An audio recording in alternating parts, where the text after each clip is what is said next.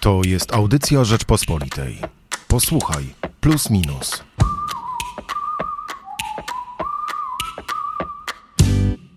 Dziś porozmawiamy o internecie, a tak naprawdę o najgorszej stronie tego internetu.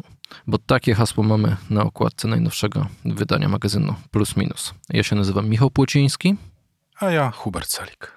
I jesteśmy obaj redaktorami Plusa Minusa. No to może Hubert tak y, po trochu streścimy, jakie my teksty tak właściwie mamy w tym naszym bloku głównym dotyczącym internetu. Zachęcam Państwa do przeczytania tekstu, który otwiera plusa minusa dotyczącego przestępstw internetowych, e, głównie tych e, dotyczących wymuszeń, gdyż ransomware teraz jest największym problemem, jeśli chodzi o przestępczość zorganizowaną e, i przestępczość w internecie. Poza tym mamy sylwetkę pana Bankmana Frida, który niedawno z cudownego dziecka amerykańskiej Doliny Krzemowej stał się, stał się upadłym aniołem, który musi tłumaczyć się z miliardowej, wielomiliardowej wpadki giełdy kryptowalut FTX oraz wywiad o infrastrukturze krytycznej, który przeprowadziła Grażna Zawadka o polskiej infrastrukturze i zagrożeniach, zagrożeniach, jakie niesie ze sobą e, zarówno wojna w Ukrainie, jak i to, że jest bardzo scyfryzowana. No to dorzucę, że wywiad z Marcinem Samselem, ekspertem właśnie spraw bezpieczeństwa, infrastruktury i tak dalej, czyli o tym wszystkim, jak e, się e, bronić, a raczej e, mam wrażenie, że czasem to powinniśmy powiedzieć, jak jesteśmy bezbronni, bo Michał Duszczyk przytacza dane kolejnych ataków, no, na przykład grup związanych z reżimem w Iranie czy, czy, czy, czy, czy, czy w Rosji. No i ja miałem jedną refleksję, czytając ten wywiad, e, wywiad, tekst Michała Duszczyka pod tytułem e, Schakowany świat, mm, gdzie na początku e, Michał Duszczyk pisze, że oczywiście mm, problem polega na tym, że jesteśmy coraz bardziej zsieciowani że wszystko jest podłączone do internetu, a my wszystkie nasze dane trzymamy w sieci. No i dlatego tych ataków jest więcej, ich będzie więcej, one są coraz bardziej zagrażające. I czytając kolejne dane, jak z roku na rok jest więcej, jak kolejne grupy hakerów przygotowują się e, na przykład e, do tego, by e, móc hakować całe państwa, wprowadzać super zamieszanie przed kolejnymi wyborami i to, co się działo, Michał Duszczyk opisuje, co się działo na przykład na Kostaryce, w Kostaryce, gdzie tuż przed wyborami prezydenckimi tak naprawdę stanęło państwo, to może być tylko przygrywka do tego, co na przykład e, hakerzy powiązani z reżimem rosyjskim planują zrobić w Europie przed jakimiś ważnymi wyborami w kraju, który na przykład mocno wspiera Ukrainę w wojnie e, z Rosją. No i dochodziłem do wniosku sobie w mojej głowie, nawet nie, że, że może być jakiś straszny chaos, tylko że kiedyś rzeczywiście może dojść do tego, że to wszystko upadnie że sami siebie schakujemy. Już nie mówię o mm, perspektywie, która przecież też jest coraz częściej stawiana przez różnych ekspertów, że to wszystko zakończy sztuczna inteligencja, która po prostu uzna, że, że trzeba przejąć władzę nad wszystkim. Ale mówię o perspektywie takiej, że po prostu to, co mamy zapisane w świecie cyfrowym, nasze pieniądze, kredyty, inne wszystkie dane, że to po prostu zniknie i że cofniemy się w rozwoju o no nie wiem, w sumie to chyba 70 lat, tak? Bo Mam wrażenie, że jak przyszła wojna w Ukrainie 24 lutego, wszyscy zaczęli mówić: No tak, ale przecież nikt nie obiecywał, że pokój będzie dany raz na zawsze. To, że wierzyliśmy w to, że, że w Europie żadnej wojny nie będzie, to jest tylko nasza naiwność. Przecież co chwilę powtarzaliśmy, że to się może wydarzyć. Eksperci różni tak mówili. I teraz też będą eksperci, którzy będą mówili: No tak, ale przecież nikt nie obiecywał, że rozwój idzie tylko w jedną stronę, że będzie coraz lepiej, że internet da sa, same dobre rzeczy, że przestrzegaliśmy, że to wszystko, że jest dużo niebezpieczeństw. I zacząłem sobie myśleć o tym, że to jest naprawdę realna perspektywa, że się po prostu schakujemy, że ten świat będzie schakowany, ale dosłownie, a nie tak jak Michał Duszczyk pisze. Ale Michał pisze, że w zasadzie jest dosłownie hakowany. E, wydaje mi się, że Twoje obawy dotyczące przyszłości częściowo już się zrealizowały. E, tutaj mówię o. No na razie wciąż mamy te cyfrowe pieniądze, a banki wiedzą, że mamy jakieś kredyty. Tutaj mówię o zarówno o Cambridge Analytica i o tym, jak wygląda na to, że Rosjanie wpłynęli zarówno na wybory w Stanach, jak i na wyjście Wielkiej Brytanii e, z Unii Europejskiej. Więc, e, więc to już się odbyło. Tak? Kryptowaluty już w sumie pękły.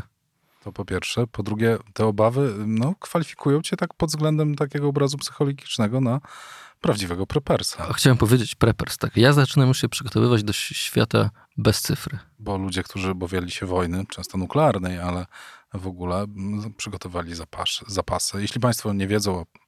Czas kupować złoto. Mm, złoto ciężko się przenosi chyba. Tak. Pod łóżkiem będę trzymał. Ale zwróć uwagę, że często ludzie, którzy kupują złoto, nie widzą tego złota. To nie jest tak, że zawsze kupujesz sztabki, tylko gdzieś te sztabki w jakimś skarbcu jest, leżą. I wciąż to jest jakiś zapis gdzieś w internecie. Gdzieś jest zapis w internecie, że jesteś posiadaczem złota, które kupiłeś. I może nawet poszedłeś je zobaczyć, ale nie masz pojęcia. E, tu troszeczkę mówię z przymrużeniem oka, nawiązując do afery Ambergold. Nie masz pojęcia, że akurat te złoto, które ci pokazano, jest twoim złotem. E, bo tego złota e, może się okazać dużo mniej niż te zapisy elektroniczne zakupów na to złoto. To z kolei jest lekki sarkazm związany z działaniem systemu bankowego, gdzie istnieje pewni albo giełdy, F, albo giełdy FTX, która właśnie upadła. Albo giełdy FTX, ale tutaj raczej różnica polega na tym, że te analogie poprzednie dotyczyły czegoś, co jest rzeczywiste, jak złoto a tutaj e, nic nie jest rzeczywiste, wszystko jest zapisem, więc nie ma, e, pokrycie zawsze istnieje, bo pokryciem jest zapis. E, to tak na poziomie żartów, natomiast tak naprawdę science fiction w filmach, chociażby w filmach fabularnych, już dawno zbudowało tą wizję świata, który zostanie wyłączony. Wyłączony. Co prawda, sztuczna inteligencja była tutaj głównym czarnym charakterem. Myślę, że nie ma, nie ma chyba nikogo, kto by nie oglądał któregoś z Terminatorów, gdzie Skynet, e, Skynet przejmuje kontrolę nad światem i prowadzi do totalnej zagłady, bo po co, po co rasa ludzka, jeśli rasa e, sztucznej inteligencji jest bardziej doskonała. Ale znacząco odbiegliśmy od tematu, bo tak naprawdę napisaliśmy e, piórem naszych kolegów, stworzyliśmy plusa minusa na temat tego, e, jakie są zagrożenia w internecie. E, a robimy to dlatego, bo mm, tempo wzrostu tych zagrożeń przybywa, tych zagrożeń po prostu przybywa. Nie chodzi nawet o to, że jest, je, że one, że jest ich więcej pod względem różnorodności, ale okazuje się, że no, jeśli nie obracamy pieniądzem papierowym, obracamy pieniądzem elektronicznym, jeśli inwestycje są zapisem elektronicznym, no to łatwiej przestępcy e, ukraść coś w ten sposób, niż ukraść papierowe obligacje, które ktoś trzyma w szafce, bo nie ma papierowych obligacji. No to jest pod, podstawowy proces, że z roku na rok rzeczywiście te, te, ta najgorsza strona internetu, czyli e, oszustwa, e, hakerzy, ransomware, o którym zacząłeś, e, tego jest coraz więcej, bo po prostu internetu jest coraz więcej, ale jest też drugi proces, który no rzeczywiście wzmógł po 24 lutego, czyli niestabilność świata która bardzo e, niestety przyspiesza wszystko, bo nawet kryzys ekonomiczny, który jest gdzieś tam na horyzoncie, może przyspieszyć i, i zwiększyć e, liczbę tych zagrożeń, bo po prostu e, w krajach, w których będą duże problemy gospodarcze, pojawi się więcej hakerów. Tak, ale ta niestabilność świata jest czymś, o czym rozmawiamy mm, publicznie, w debacie publicznej od mm, myślę, że dwóch dekad spokojnie. E, zawsze jakaś niestabilność świata istniała. Myślę, że poprzednie pokolenia też debatowały nad tym, że świat się szybko zmienia i niektóre rzeczy stają się niestabilne. E, a te dwie dekady, dlatego że ta baumanowska postnowoczesność de facto opiera, opiera się na idei tego, że ta zmienność świata jest tak duża, że sobie z nią nie radzimy czyli e, pewne, pewne tezy socjologiczne, które mm, ukuł Zygmunt Bauman. Mm, e, I e, pod tym względem myślę, że nie dokonała się znacząca zmiana. Oczywiście wojna w Ukrainie jest innym rodzajem zagrożenia, bo kto by pomyślał, tak jak mówisz, przed 24 lutego, a może lepiej powiedzieć przed początkiem roku, bo sygnały jakieś były, tylko nie wyciągaliśmy wniosków, że istnieje jakikolwiek, jakikolwiek sens, żeby anektować terytorium innego państwa w świecie, kiedy siła państwa nie mierzy się wielkością terytorium. Przypominam, że Rosja jest największym państwem świata, więc jak sobie doda więcej terytorium, to dalej będzie największym państwem świata. Więc jest to e, z punktu widzenia takich ludzi, dwóch, którzy siedzą przed mikrofonami w Warszawie i sobie rozmawiają, no absurdalne. Ale nie z punktu widzenia tych, którzy mieszkają w mieście nad Wołgą. No i e, no i to było absurdalne, bo możemy mierzyć siłę gospodarką, tak? Ameryka jest silna e, między innymi siłą gospodarki, e, między innymi siłą kultury. Wojska. Tylko zwróć uwagę, że to wojsko jest głównie używane, głównie wykorzystywane jako gospodarka trochę, tak? Jest wykorzystywane w innych no. krajach, dostawy, dost... no nie chcę tu, nie chcę... teoretycy, którzy twierdzą, że wojna w Ukrainie jest spowodowana Właśnie... przez branżę zbrojeniową, która celowo ją wywołała, że sprzedać więcej sprzętu. Ale nie chcę tu być... Nie podzielamy tej opinii. Nie chcę tutaj, wiesz, mówić Jackiem Bartosiakiem, no ale jednak to amerykańskie wojsko e, no, jest potrzebne do ustanowienia wolnego handlu, do panowania nad morzami i oceanami, po to, żeby te statki mogły płynąć. Ale kto powiedział, że amerykańskie? Na zachód. Amerykanie powiedzieli, że amerykańskie. To, to, są, bo to są amerykańskie okręty wojenne, które zapewniają nam jednak trochę tą tak, tak stabilność. Tak, taka jest rzeczywistość, ja tego nie neguję, natomiast, natomiast e, Rosjanie powiedzieli, że rosyjskie. Tak. Zapewnią stabilność. Ale odbiegliśmy znacząco od tematu, bo sprawa ransomware... No ale na tym polega nasz nim... podcast, że trochę sobie odbiegamy od tematu. Nawet y, pozwoliłem sobie frywolnie dobrnąć do Wołgi, która, proszę Państwa, nie jest cyfrowa. Ta rzeka naprawdę płynie. Nie widziałem, e, ale podobno płynie.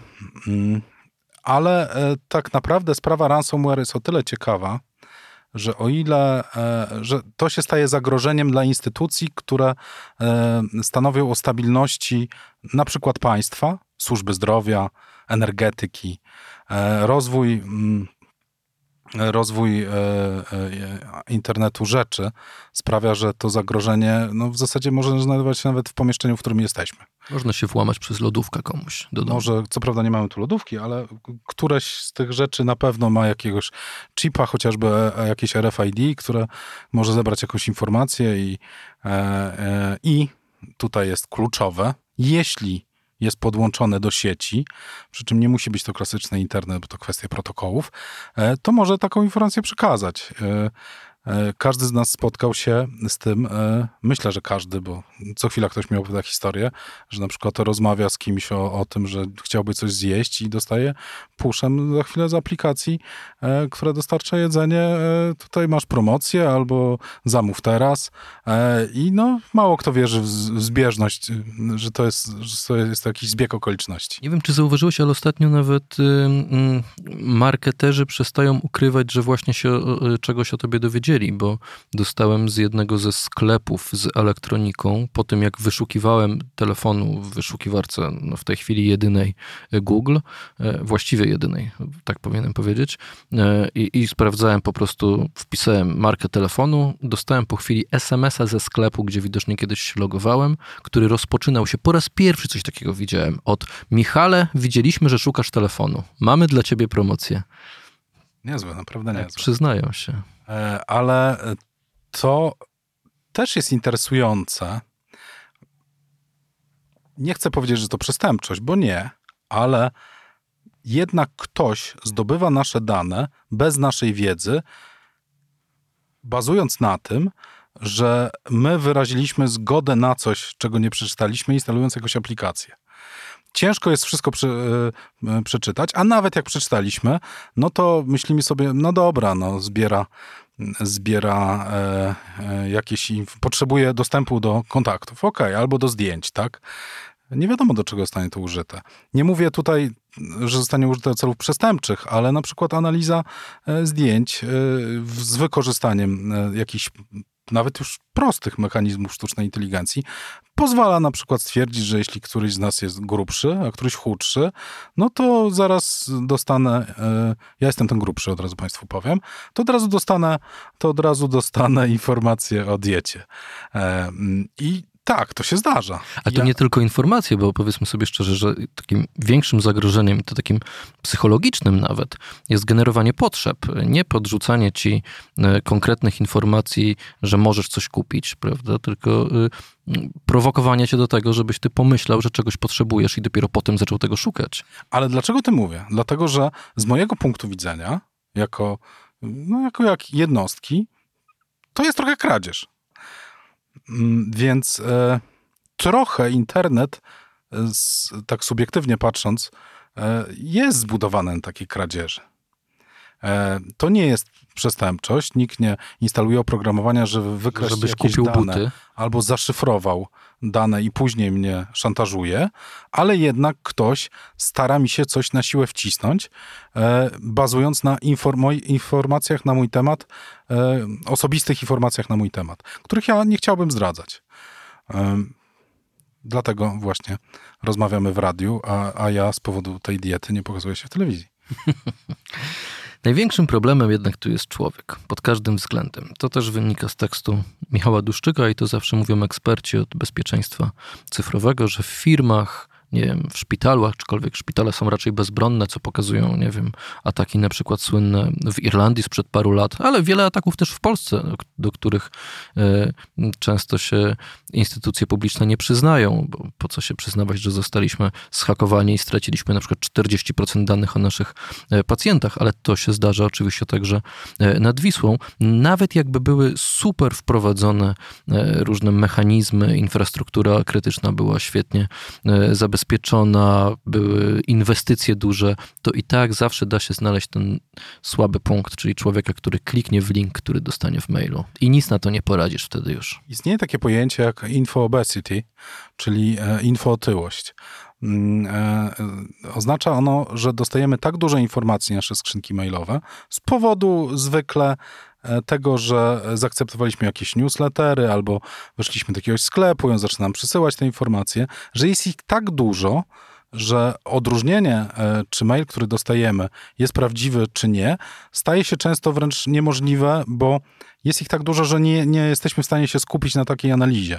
E, Z drugiej strony, gdybyśmy skupili się na takiej analizie, to może byłby to czynnik wręcz chorobowy, bo byśmy podejrzewali, że wszystko, co otrzymujemy, e, może prowadzić do, do tego, że mm, na przykład stracimy pieniądze, bo ktoś zaszyfruje nasze dane i będzie chciał od nas tysiąc bitcoinów.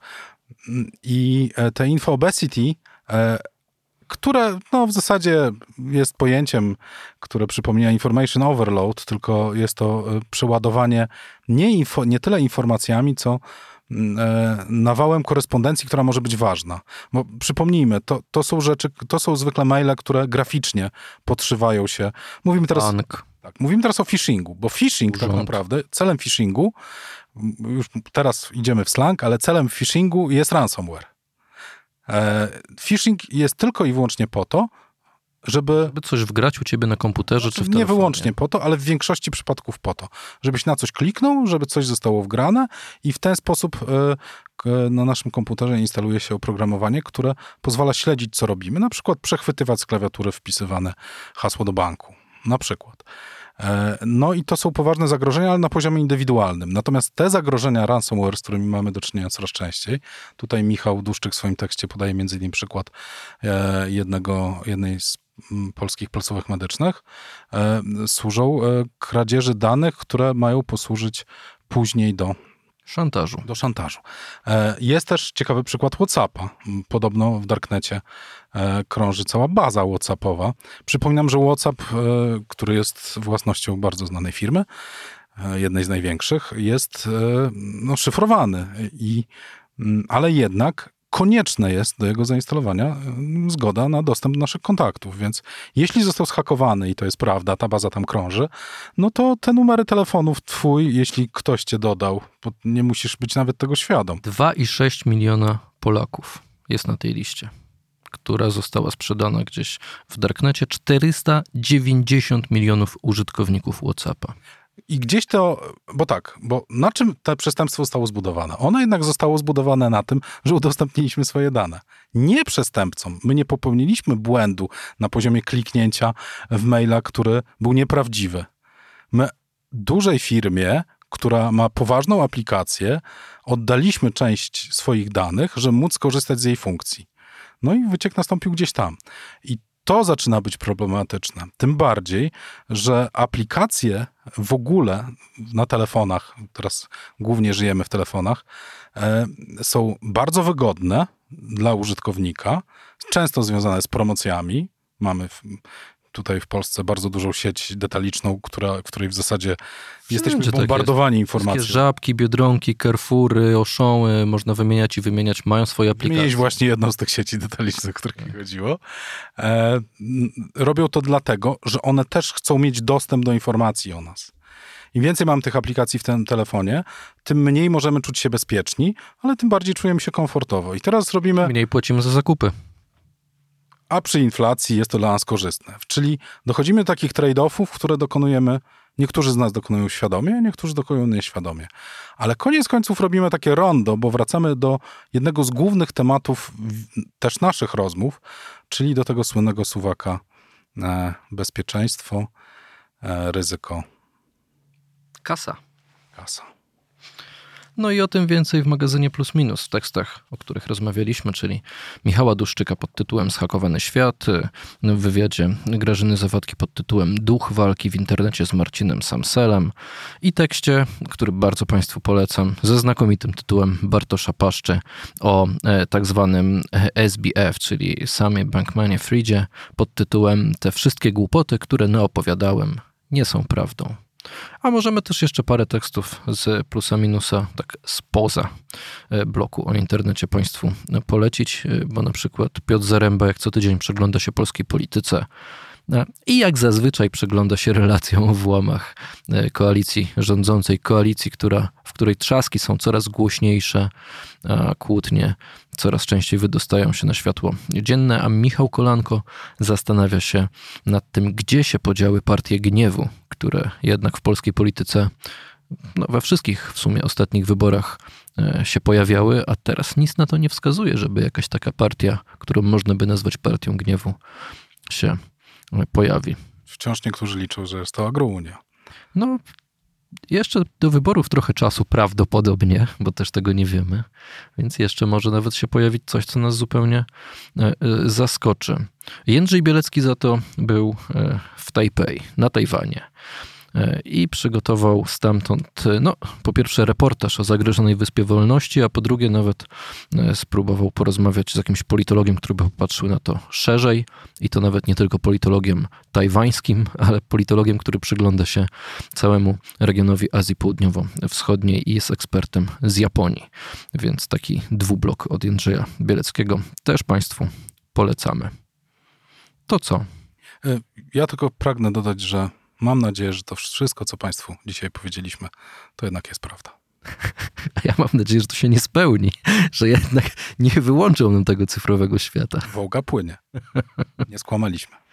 Michał Płociński i Hubert Celik. Zapraszamy już w sobotę do kiosków oraz na naszą stronę internetową rp.pl po sięgnięcia po na, do sięgnięcia po nasze teksty, ale też oczywiście po wykupienie subskrypcji, dzięki której nie tylko będą mogli Państwo przeczytać teksty z najnowszego wydania magazynu Plus Minus, ale i z wszystkich wcześniejszych. Słuchaj więcej na stronie podcasty.rp.pl. Szukaj Rzeczpospolita Audycje w serwisach streamingowych.